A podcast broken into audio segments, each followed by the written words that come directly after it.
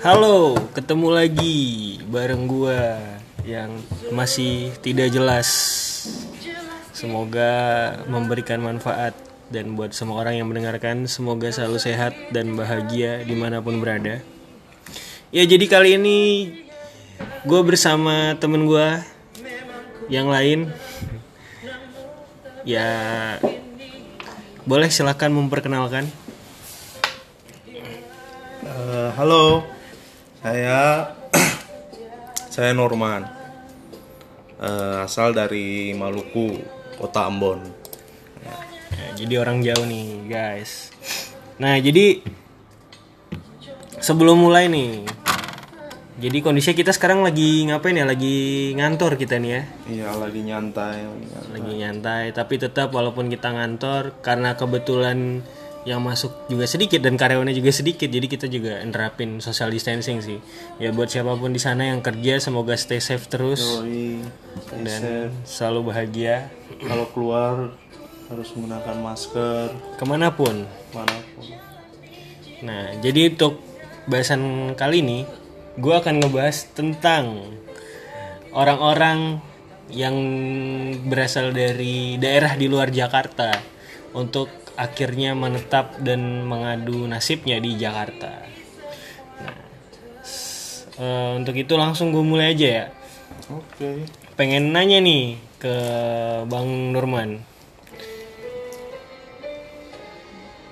Pernah punya nggak sih impian atau keinginan dalam diri nih? Karena sebelumnya kan tidak kerja di Jakarta nih. Atau sebelumnya nih, sebelum ke Jakarta dulu sibukannya apa aja? Eh, jawab yang mana dulu? nih?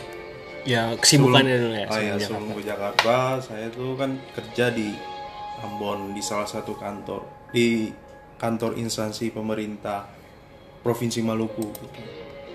Lama juga sih, berapa?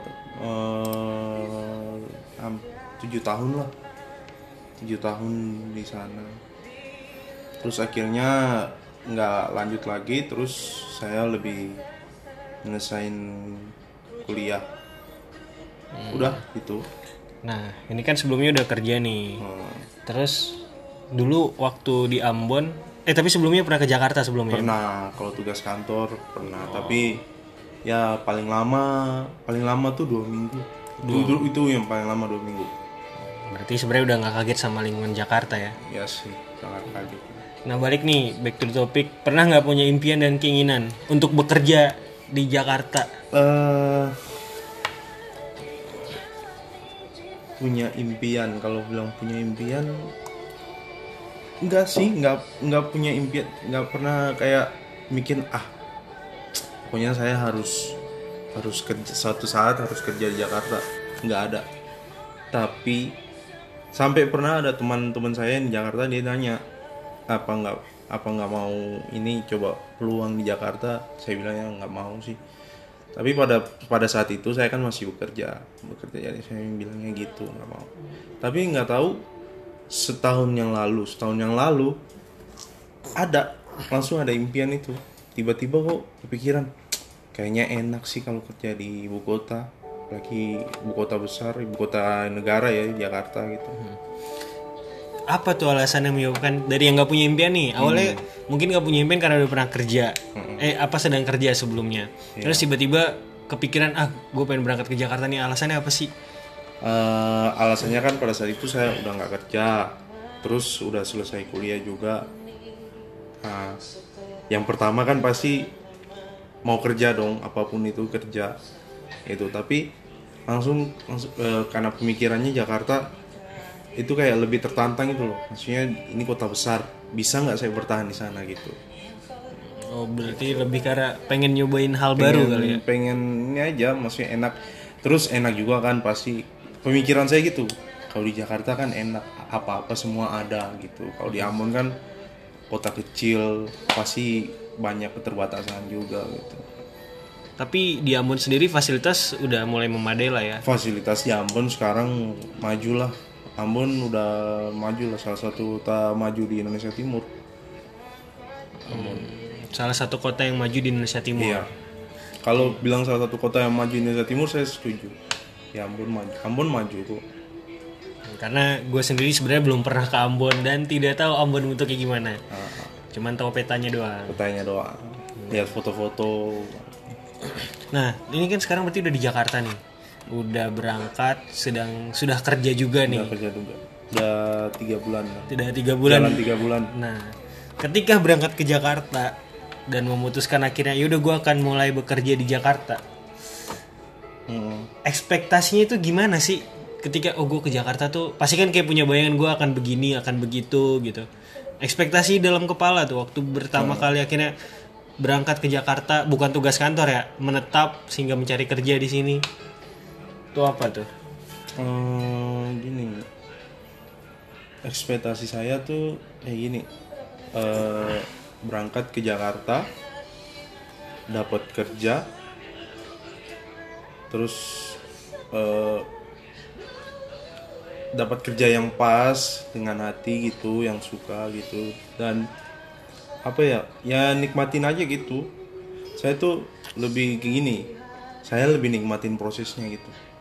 Hmm, Jadi nggak punya ekspektasi yang muluk-muluk jauh-jauh ya? nggak, nggak nggak sampai ekspektasi yang kayak karena enggak lah saya lebih lebih suka nikmatin prosesnya hasil tuh nanti kan juga pasti ada hasil Iya kan yang paling penting kan dinikmatin aja prosesnya Nah itu benar banget. Nah apalagi kan sebenarnya gini kan udah ada temen yang ke Jakarta nih, pasti ada dong yang cerita cerita tentang enak dan gak enaknya. Terus kan buat yang mungkin pernah ke Jakarta tapi kan kondisinya cuma tugas kantor Oh, ya, iya. tidak seleluasa sekarang ya mengenal Jakarta lebih dalam. Nah itu nggak ada rasa khawatir gitu. Apakah memang teman-teman yang kerja di Jakarta tuh ceritanya yang enak-enak aja kan kadang kita bisa lihat kayak postingannya makan di restoran mewah Iya. berangkat ke hotel tempat liburan di mana di Jakarta gitu kan nah itu kayak gimana sih pemikirannya gitu setelah pasti ada yang cerita ke Bang Nurman kan? Atau memang nggak ada yang cerita nih? Eh gini yang pertama saya tuh orangnya nggak terlalu kayak mau harus kayak umpamanya umpa, contohnya kayak makan harus di yang mewah gitu. Terus mesti jalan-jalan gitu enggak saya tuh orangnya eh gini simple maksudnya sederhana. Sederhana tuh artinya kan nggak rumit gitu. Bukan sederhana artinya nggak punya apa-apa gitu bukan. Sederhana tuh artinya nggak ribet gitu apa apa pun bisa masuk masuk ke mana bisa gitu. Jadi eh ya jadi diri sendiri aja gitu. Apa yang saya di- punya di Ambon ya saya bawa ke sini. Bukan saya sesuaikan dengan apa keadaan di kota ini enggak. Hmm, berarti tetap, tetap jadi diri dengan- sendiri ya? tetap dengan identitas saya gitu. Hmm, nggak perlu kayak umpamanya saya dari Ambon terus ke Jakarta saya harus jadi kayak orang Jakarta. Enggak kan? Ya kayak gitu. Jadi apa pun saya saya tetap diri saya sendiri yang yang begini saya jaga identitas saya. Oh tetap membawa yaudah gue dari Ambon dan gue akan tetap Sa- gini saya prinsipnya gini. Kita eh, bukan dipengaruhi oleh lingkungan sekitar. Mm-mm. tapi bagusnya kita justru kita yang harus mempengaruhi ruang- itu ke lingkungan sekitar. Memberikan dampak positif lah ya. Jadi di mana pun kita berada kamu tuh harus membawa impact gitu loh. Dan positif ya bukan impact yang negatif impact yang positif itu di mana pun gitu itu sih prinsip saya Nah, kan oke lah. Tadi udah eh, ngejelasin tentang sudut pandangnya mengenai Jakarta ya, berdasarkan dari cerita dari teman-teman yang tidak mempengaruhi Bang Norman untuk tetap jadi dirinya sendiri. Iya.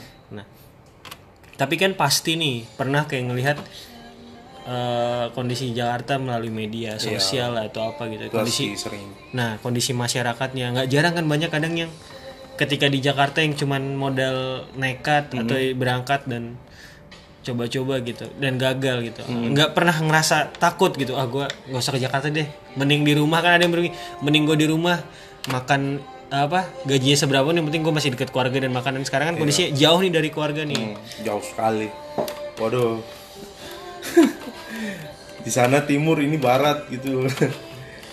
ya ini ya eh, nggak pernah takut sih saya. Saya nggak pernah kayak kayak takut sampai kekurangan gitu. Enggak lah. Saya udah udah kayak kalau ini tujuan saya situ.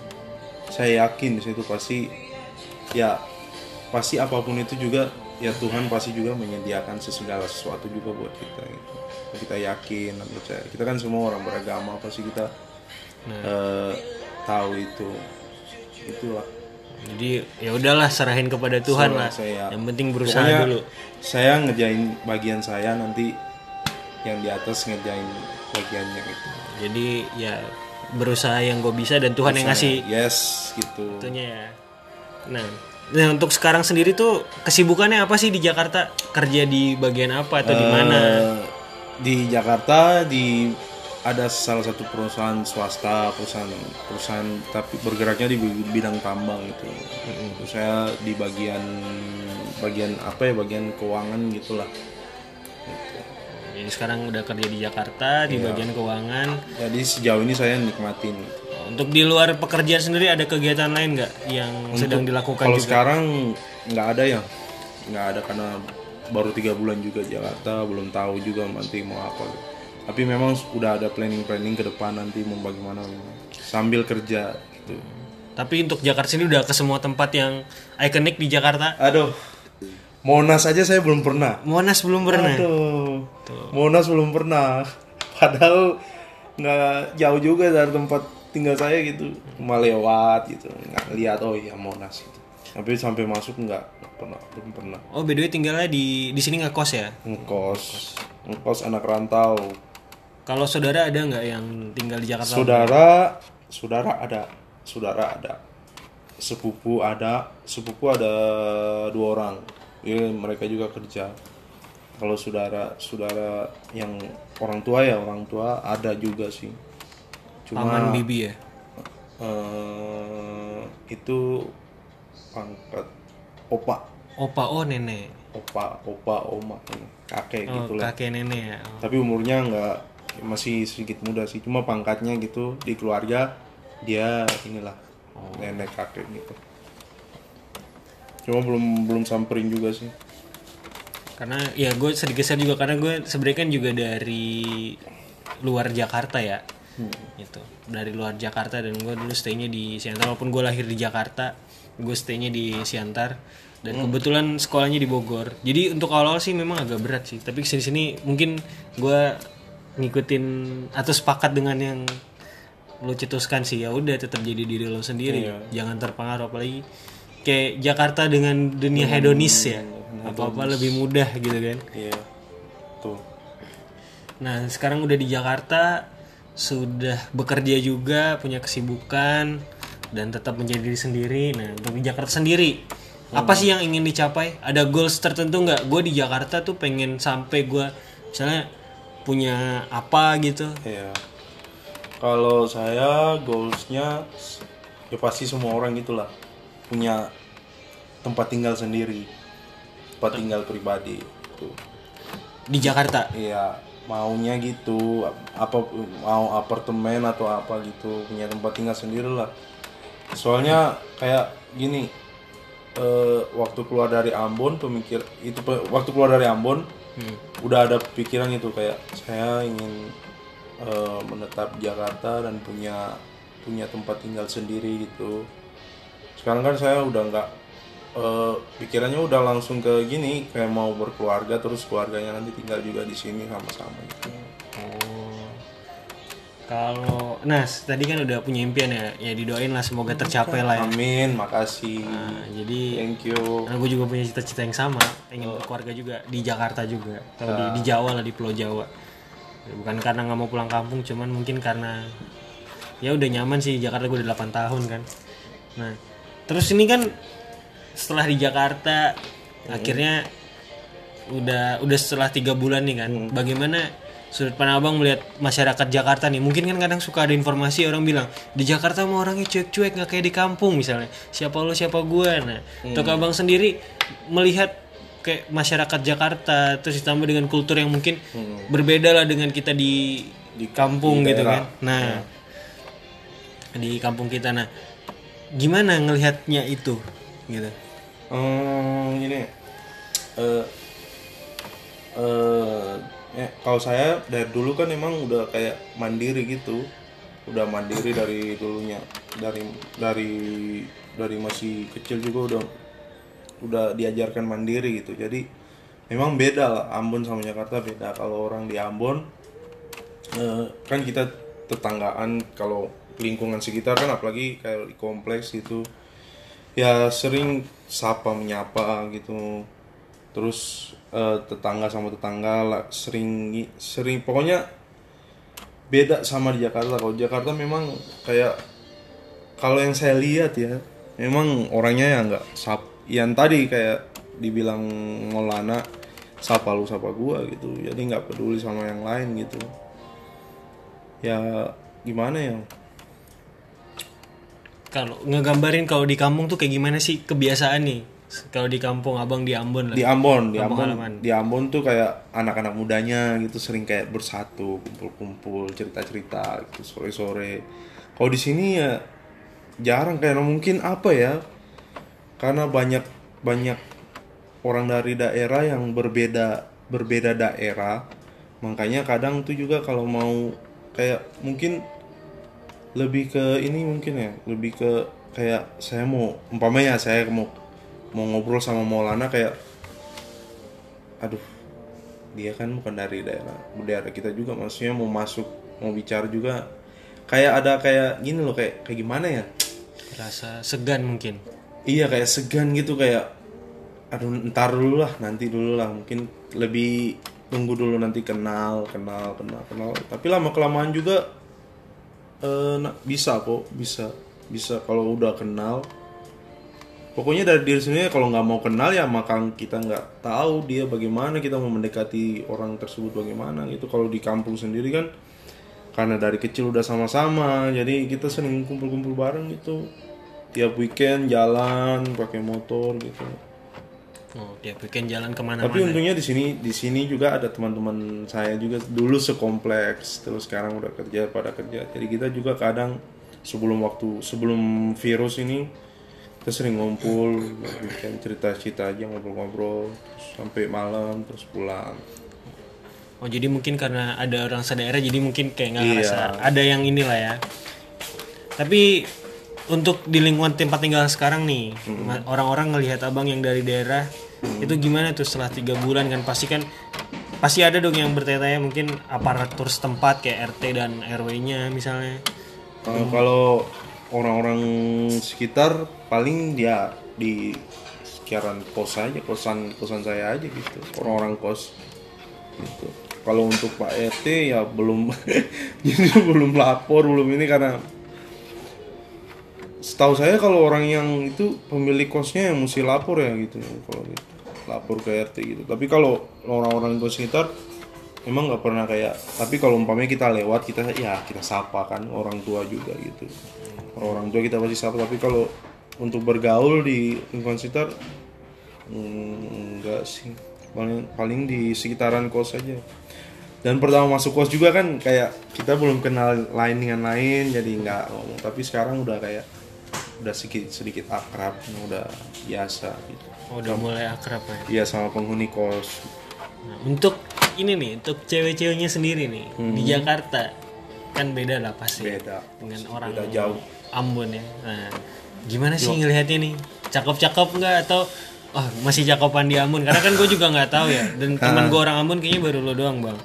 ya gitu kalau Jakarta ya pasti beda sama orang timur gitu lah Jakarta kan orang eh, ini ya jujur memang di Jakarta banyak yang banyak pasti yang cantik-cantik gitu cuma kita kan aduh kayak gimana ya Eh, saya juga kan apa ya saya tuh bukan kayak orang yang langsung nggak ini susah bergaul kayak sama perempuan-perempuan itu enggak sih ya memang beda lah cewek-cewek di Jakarta ya manis-manis Manis-manis ya. manis Ambon juga manis kok Iya, iya lah semua pasti. bi- kalau Ambon tuh biasa bilang nona manis Nah, nona manise. nona manis nona manisi manisi itu artinya cantik gitu Oh cantik ya. Oke. Manise. Baru tahu nih. Jadi manisnya itu cantik bukan manis ya Manisi berarti. cantik. bukan manis itu artinya mm, cantik bagus gitu Karena gue juga awalnya mikir tuh manisnya itu dari kata manis kayak kan. Ambon Ambon manis sih Ambon Ambon paling Ambon paling bagus paling cantik gitu Nah, setelah eh ini kan setelah tiga bulan di Jakarta nih bang terus tadi udah ketemu masyarakat dan segala macam. Dan pernah nggak ada pengalaman unik selama tinggal di Jakarta nih yang sudah tiga bulan ya? Nggak sampai hari ini mungkin jadi salah satu yang nggak terlupakan lah. Pengalaman unik? Eh, apa ya pengalaman unik? Pengalaman unik Jakarta kalau sampai saat ini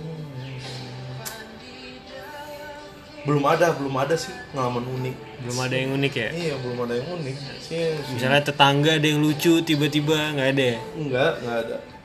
Pengalaman unik belum ada sih. Mungkin karena tiga bulan dan tidak bisa keluar tambah lagi pandemi. ini ada oh, pernah pernah.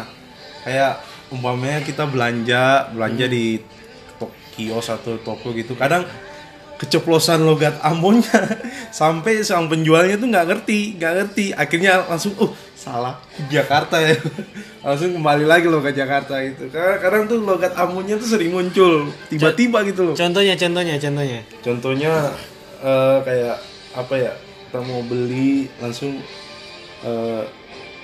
ka- kayak di Ambon kan eh, di Ambon kalau mau mau beli ini bilangnya gini belido balido balido gitu. Oh Balido. Kalau balido pakai tapi pakai logat gitu balido. Ada aksen ada khususnya lah. aksen khususnya. Kalau di Jakarta kan eh, beli beli gitu kan gitu beli. Kadang-kadang tuh keceplosan gitu walido langsung kayak langsung sang sang sang tapi penjualnya juga keluar langsung saya nyadar oh iya ini Jakarta gitu masih ya masih pasti terbawa-bawa terbawa pasti itu sampai ke mana pun juga pasti akan terbawa.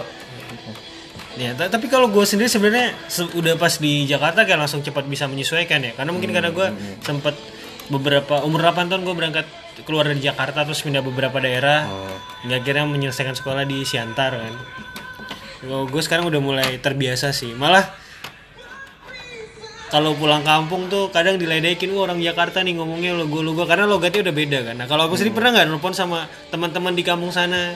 Terus logatnya ada berubah nggak sih? Eh, enggak sih kalau saya enggak. Kalau saya enggak. Kalau memang ada kayak ada ya ada kalau orang eh, anak-anak Ambon gitu. Itu kadang kalau dia udah mungkin dia kuliah atau apa gitu Jakarta terus dia dia liburan ke Ambon balik itu kadang langsung logat logat Jakarta. Tapi kita lihatnya aduh ngapain sih? Maksudnya eh, sampai sampai logat logat itu ya nggak nggak gitu juga gitu.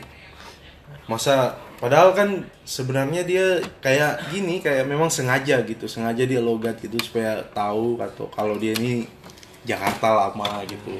Kalau nggak kalau saya sih nggak gitu saya kalau saya saya ngomong sama teman-teman yang Ambon atau sama siapa pun yang orang Ambon ya saya ngomong pakai bahasa Ambon. Oh, tetap pakai bahasa Ambon? Yes. Maksudnya satu itu yang saya saya saya yang tadi dari awal saya bilang identitas kita tuh penting gitu loh. Apa pun itu jangan jangan pernah kita kita rubah walaupun kita di mana pun di mana pun kita tahu siapa kita gitu loh. jadi kalau umpamanya bahasa Ambon ya ketemu orang Ambon kita bahasa Ambon ya itu juga kayak seperti menghormati juga dia gitu loh Oh jadi tetap. Tapi kalau teman-teman sendiri yang sekarang masih tinggal di Ambon tuh suka ngeledekin gak sih? Wah jadi, karena wah Nurman orang Jakarta nih gitu. Iya ada, ada yang di Jakarta gitu. Biasa biasa kalau WA gitu di grup gitu kadang chat di sosmed atau apa pun itu weh anak anak Jakarta, anak Jakarta gitu. Bi- bingung apa spesial sih orang Jakarta? Makanya makanya itu kan dari dari tadi yang saya juga bilang kan Jakarta ibu kota, ibu kota negara. Mungkin eh, bagi orang daerah tuh memang spesial ya, spesial gitu. Apa pun Jakarta kota besar gitu. Itu sih. Karena ya mungkin karena itu kali ya di logokan sebagai apa ibu kota Jakarta ya dengan keberagaman etnis lah ya Iya, dan dianggap salah satu kota yang paling maju di Indonesia mungkin. iya iya pasti. Kota yang paling maju ya. Indonesia. Nah, kalau ini sekarang pertanyaan mulai ke arah yang agak sensitif nah. Sekarang udah dikerja di Jakarta. Sebelumnya pernah kerja di Ambon kan, Iya. di instansi pemerintahan. ekspektasi terhadap salary pendapatan lah ketika di Jakarta pernah berekspektasi tinggi nggak sih? Atau memang oh gue udah tahu sih Jakarta pasti gak beda jauh ya gaji segini dan udah nggak kaget misalnya. Karena kadang ada yang gini kayak teman-teman gue juga yang ya sedikit pengalaman yang ketika berangkat ke Jakarta tuh mikirnya oh gaji gue harus segini nih sekian juta mungkin puluhan juta dan segala macam. Nah untuk lu sendiri bang nah itu gimana bang? Ekspektasi lu terhadap salary nih dibandingin sama yang dulu lu juga pernah kerja kan gitu. Dan ekspektasi. Eh, ekspektasi buat kalau yang selerinya yang sekarang Jakarta ya? Hmm, eh, apa ya? Ekspektasinya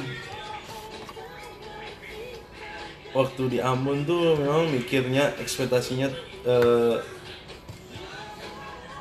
ada kayak udah ada gimana yang jelasinnya gitu kayak atau punya gini oh ketika gue di Jakarta tuh gaji gue harus sekian juta.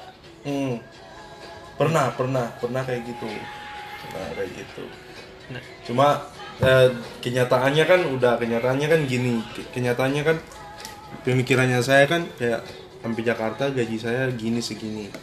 Terus saya juga kan pasti belum punya tempat tinggal dan saya harus eh, itu pokoknya perhitungan saya perhitungan sih perhitungan perhitungan semua gitu kan. Memang dari waktu dari Ambon saya udah pemikiran oh gaji saya nanti Jakarta posisi segini Eh, tapi realitanya kan eh emang di bawah eh, di ekspektasi. bawah ekspektasi gitu. Tapi tapi masih lebih tinggi ya dari kerjaan sebelumnya? tapi pasti lebih tinggi lebih tinggi. Lebih tinggi dan eh, saya nggak kecewa juga sih nggak terlalu kecewa karena nggak terlalu ini ya ya syukurin aja gitu. Oh, lebih bersyukur ya? Ya saya bersyukur sih bersyukur. Memang wala- walaupun memang nggak sesuai dengan apa yang kita harapkan ya bersyukur aja. Karena memang masih cukup kok. Masih terpenuhi lah kebutuhannya. semua. bahkan masih bisa nabung berarti. Masih bisa masih bisa nabung. Jadi saya bersyukur. Nggak terlalu ini juga sih nggak kecewa sampai enggak lah. Berarti sebenarnya untuk di Jakarta sendiri mungkin gaji itu sebenarnya dipengaruhi oleh gaya hidup kali ya? Gaya hidupnya betul. Betul makanya kan saya bilang saya tuh nggak terlalu mewah-mewah ya nggak terlalu apa ya nggak terlalu sampai ribet juga sih sederhana lah sederhana kan bukan berarti kita miskin bukan yang kita penting nggak punya ya makan tetap makan. Sederhana itu yang nggak ribet Iya, gitu. tetap ada tempat Tetap tinggal. ada tempat tinggal mau apa ada gitu. Tuh. Nah, se- sekarang kan selain misalnya tadi udah mengatakan bahwa Jakarta itu adalah ibu kota ya, dengan ke, ke apa peradabannya yang dikatakan untuk Indonesia dia paling maju lah ya, cerminan wajahnya Indonesia. Nah, apa sih sebenarnya yang menyebabkan bahwa kadang juga kayak gue tuh yang orang udah lama di Jakarta malah berpikir ingin kerjanya ke daerah kayak karena kebetulan jurusan gue kan di bidang kehutanan. Iya Eh, nah Jakarta nggak ada hutan ya?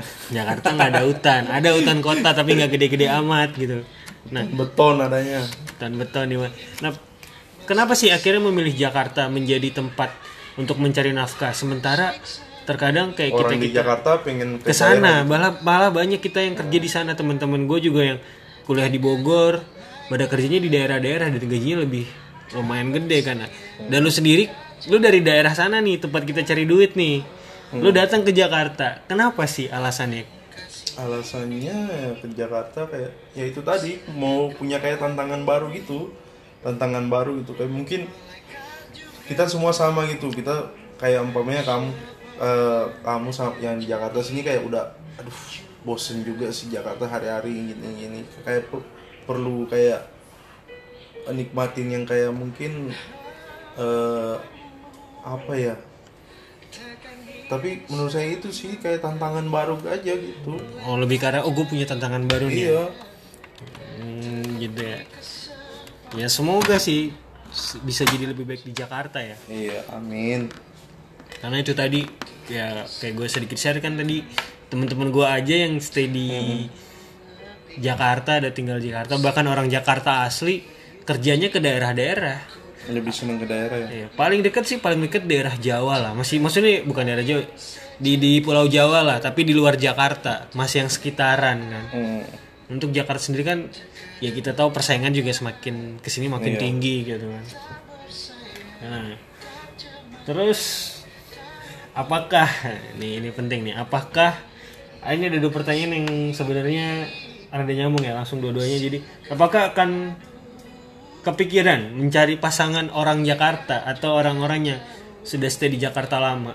Dan tadi kan udah dibilang pengen berkeluarga di, berkeluarganya di sini tapi itu akan menjadikan Bang Durman itu akan tinggal di Jakarta selamanya atau ya udah nanti pada saat tertentu ya gue akan balik ke kampung gue memajukan kampung atau sebagainya gitu. Nah itu gimana tuh?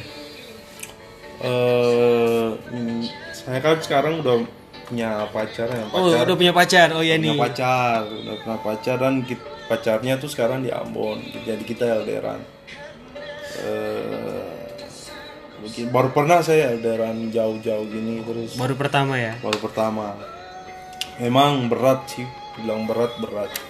Tapi saya termasuk orang yang mau bilang kalau ini ya saya jujur saya tuh orang yang setia gitu nggak mau kayak eh, kayak udah punya pasangan terus mau yang lain itu enggak. Tapi kalau seandainya nih kita berandai-andai aja ya. Kalau seandainya belum punya pacar iya. sebelum sebelumnya ini atau belum saat punya ini. pacar ya. Pernah nggak ada nggak kepikiran mungkin pasti pernah dong kayak kayak gue dulu Ada, kayak kepikiran cari orang Jawa gue nih.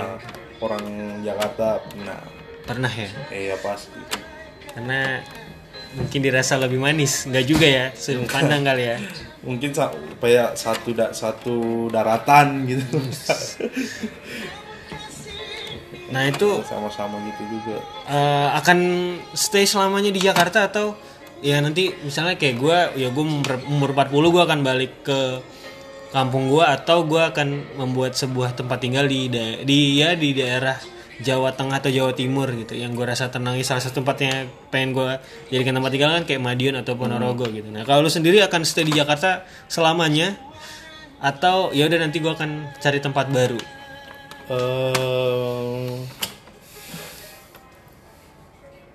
Mm, maunya gitu. Maunya gitu maunya stay di Jakarta terus langsung berkeluarga juga di sini gitu.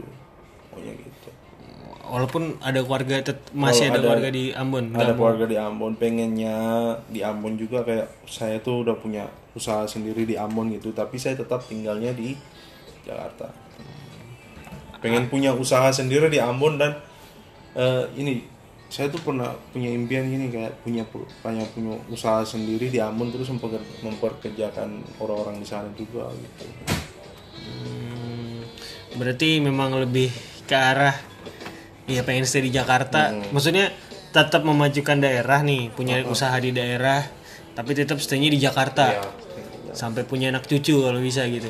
Iya kalau bisa. Amin. Amin amin. Tapi bakal tetap pulang balik kampung kan untuk saat ini? Pasti tetap pulang lah. Ya pacarnya masih di sana. Dari sana. Apalagi kalau kang ini udah tiga bulan udah kangen kangen pacar, kangen liburan. Liburan kalau di Ambon kan tiap hari ketemu laut. nah itu boleh tuh di share sedikit tentang Ambon. Sekarang di Jakarta nih. Tempat liburan yang asik sih menurut abang nih untuk Jakarta ya. Jakarta sama Ambon untuk liburan dan jalan-jalan melepaskan penat enak plus minusnya lah. Maksudnya di Jakarta plusnya apa minusnya apa di Ambon juga plusnya apa minusnya apa? Di Ambon kalau di Jakarta dulu ya. Jakarta plusnya banyak tempat nongkrong. banyak tempat. Banyak tempat nongkrong. Ke mana pun kita pergi pasti ada tempat nongkrong. Mau apa pun itu mau mall kafe-kafe atau apa pun itu. Itu tapi minusnya wisatanya jauh-jauh apalagi wisata pantai gun- pantai gitu. Kalau kalau saya sih saya lebih suka ke pantai ya. Karena mungkin dari daerah timur jadi sering ke pantai makanya kalau mana pun itu ya nyari. Apalagi kalau udah stay lama di tempat yang nggak punya uh, wisata pantai gitu kayak rindu rindu banget. Rindu kayak pantai. Jakarta tuh belum pernah saya kan pernah ada teman juga bilang di Kepulauan Seribu tapi aduh si jauh juga sih. Ancol Ancol dekat Ancol. Ancol bisa Ancol. ada Ya mungkin masih kalah jauh sama Ambon lah. kalau di Ambon Ambon plusnya tempat wisatanya banyak. Tempat masih tempat wisata yang masih alami. Masih eh, memang betul benar-benar alami. Masih alam gitu. Jadi pantainya bagus-bagus mana pun. Baru nggak jauh pakai motoran juga 20 menit 30 menit sampai langsungan Oh, pokoknya kita nikmati banget Eh, negat bos eh, tapi kurangnya di Ambon itu ya itu tempat nongkrong Tempat. Oh di Ambon sendiri tempat nongkrongnya enggak? Eh, ada tempat nongkrongnya ada di Ambon cuma kan sedikit nggak sama yang Jakarta Jakarta kan banyak mallnya juga cuma berapa di Ambon satu dua tiga di Ambon tiga ada, mall. ada tiga, tiga mall Tapi ada bioskop kan? ada, Ada. bioskop Karena gua baru aja dari Kalimantan Utara. Kota besarnya itu yang terkenal tuh cukup terkenal tuh Tarakan. Terus ibu kotanya itu Tanjung Selor. Tidak ada bioskop, tidak ada Indomaret. di Ambon udah ada udah Indomaret Alfamidi ada ada bioskop ada XX1 ada XX1 ada ada apa? Cineplex. Apa? Cineplex ya. bukan. Ini CGV. enggak Apa sih? satu lagi satu lagi. bioskop. Eh, pokoknya ada dua jenis bioskop lah. Satu XX1 dan satu itu udah lupa sih namanya. Oh iya oke oke. Gua ini nangkap nangkap karena gue juga bukan anak bioskop bioskop banget ya. Lebih senang mungkin karena basic hutan jadi kayak ke lu gitu ke hutan-hutan. Dan Bogor masih ada hutannya sih. Alhamdulillah. Pesan orang tua sebelum berangkat ke Jakarta? Atau orang tua dulu sempet ini gak sih ngelarang udahlah nggak usah ke Jakarta lah di Ambon aja. Eh, pesan orang tua yang pertama tetap berdoa terus itu yang pertama kita berdoa. Jaga diri karena kita di sana tuh kan kita di kota besar ya, makanya jaga diri. Kita berdoa jaga diri. Terus apa ya? Eh, terus eh, tetap berdoa jaga diri sama itu tetap baik dengan semua orang gitu aja sih. iya doa orang tua menyertai kita ke mana aja gitu ya. Nah, ini mungkin ada pertanyaan terakhir sih, cuman kayaknya udah kejawab. Pertanyaannya kan kapan minggat dari Jakarta, tapi kan tadi bilang mau stay selamanya dulu, iya. di Jakarta ya. Belum nggak ada pemikiran buat tapi kayak udah mau stay di Jakarta gitu. Pengen punya apartemen. Punya tempat tinggal sendiri lah. Mercedes, amin. Amin. Sama, gue juga pengen. Uh, Terus ya mungkin udah sih segitu. Nah untuk penutup sih, penutup ada nggak pesan yang ingin disampaikan buat ya gue sih nggak yakin bahwa podcast ini akan didengar banyak orang, tapi entah siapa pun yang dengerin ya. Pernah nggak punya ah, ada nggak pesan-pesan tertentu buat orang-orang yang di luar daerah di luar Jakarta ya, hmm. di luar Jakarta Yang mau ke Jakarta. yang mau ke Jakarta tuh dan bekalnya apa sih buat mereka ketika mereka akan ke Jakarta? Eh, yang pertama tetap percaya apa yang ap- tetap percaya dengan dengan diri sendiri maksudnya percaya percaya gini percaya tujuan saya impian kamu apa percaya dengan impian itu kejar kejar impian itu tetap percaya diri tetap tetap rendah hati gitu tuh jadi diri sendiri lah bukan percaya diri jadi diri sendiri. Jadi, jadi diri sendiri tetap rendah hati gitu. Itu sih. Kalau buat orang-orang yang modal nekat, kalau lu termasuk modal nekat gak sih bang? Enggak ya? enggak sih. Oh udah punya Enggak modal nekat. Buat orang-orang yang punya modal nekat, modal nekat modal nekat. Orang modal nekat. Apa ya? Nggak ada ya. modal nekat eh apa ya? Modal nekat Mungkin lebih ke arah tadi kan kalau kayak gue yang dengar dari lu mungkin udah ya persiapin lah mental dan diri Iya, ya. persiapan semua kalau mau nekat ya udah pasti itu udah dia kalau orang yang namanya orang nekat pasti dia udah siap apa pun konsekuensinya gitu Dan loh. jangan berekspektasi Jangan- tinggi. Iya, jangan berekspektasi tinggi, jangan berekspektasi tinggi apa pun dia diterima gitu. Karena kamu nekat ya pasti udah siap dengan segala kondisi kan. Oke. Itu aja sih. Eh, Tetap jadi diri sendiri. Ya, itu tadi beberapa tips ya. Dan gua akan merangkum sih menurut sudut pandang gua dari pembicaraan ini. Pertama gue ucapin terima kasih dulu ke Bang Nurman Iya, telah sama-sama. menyempatkan waktunya. Nah, sama-sama mungkin ya itu buat orang-orang yang mungkin dari luar Jakarta ya, luar Jakarta. Untuk saat ini walaupun katanya ibu kota akan pindah tapi tetap wajah Indonesia tetap dari Jakarta sekarang. Ya buat siapa pun yang punya impian ke Jakarta itu mungkin apa yang dibilang Bang Nurman benar, tetap ya tetap humble lah, baik, gitu, jadi diri sendiri gitu. Ya nggak neko-neko Gak neko-neko dan tetap menjunjung nilai-nilai kemoralan tetap jaga identitas. Nah, tetap jaga identitas gitu ada gitu. ada pepatah yang bilang di mana bumi dipijak situ lagi dijunjung nah itu artinya kita juga hormat apalagi Jakarta dengan Iya. keberagaman pluralitas budaya dan etnis dan agama yes gitu. jadi mungkin dari dari gue sekian lagi-lagi terima kasih buat Bang Nurman sama-sama mall Nah, buat siapa pun yang mendengarkan ini, terima kasih juga. Kalau masih banyak kurangnya, saya mohon maaf. Lagi-lagi, gue ingin mengatakan bahwa gue bukan orang ahli dan gue nggak jaga-jaga amat. Gue di sini cuma pengen bercerita dan berbagi sudut pandang dan semua narasumber atau orang-orang yang terlibat di podcast ini adalah orang-orang yang gue rasa sih asik buat gue ajak kerjasama. Eh, buat gue ajak bertukar pikiran dan pandangan. Apalagi gue ngerasa diri gue juga masih jauh dari kata hebat lah. Jadi tetap gue juga harus belajar. Terima kasih buat semuanya. Selamat sore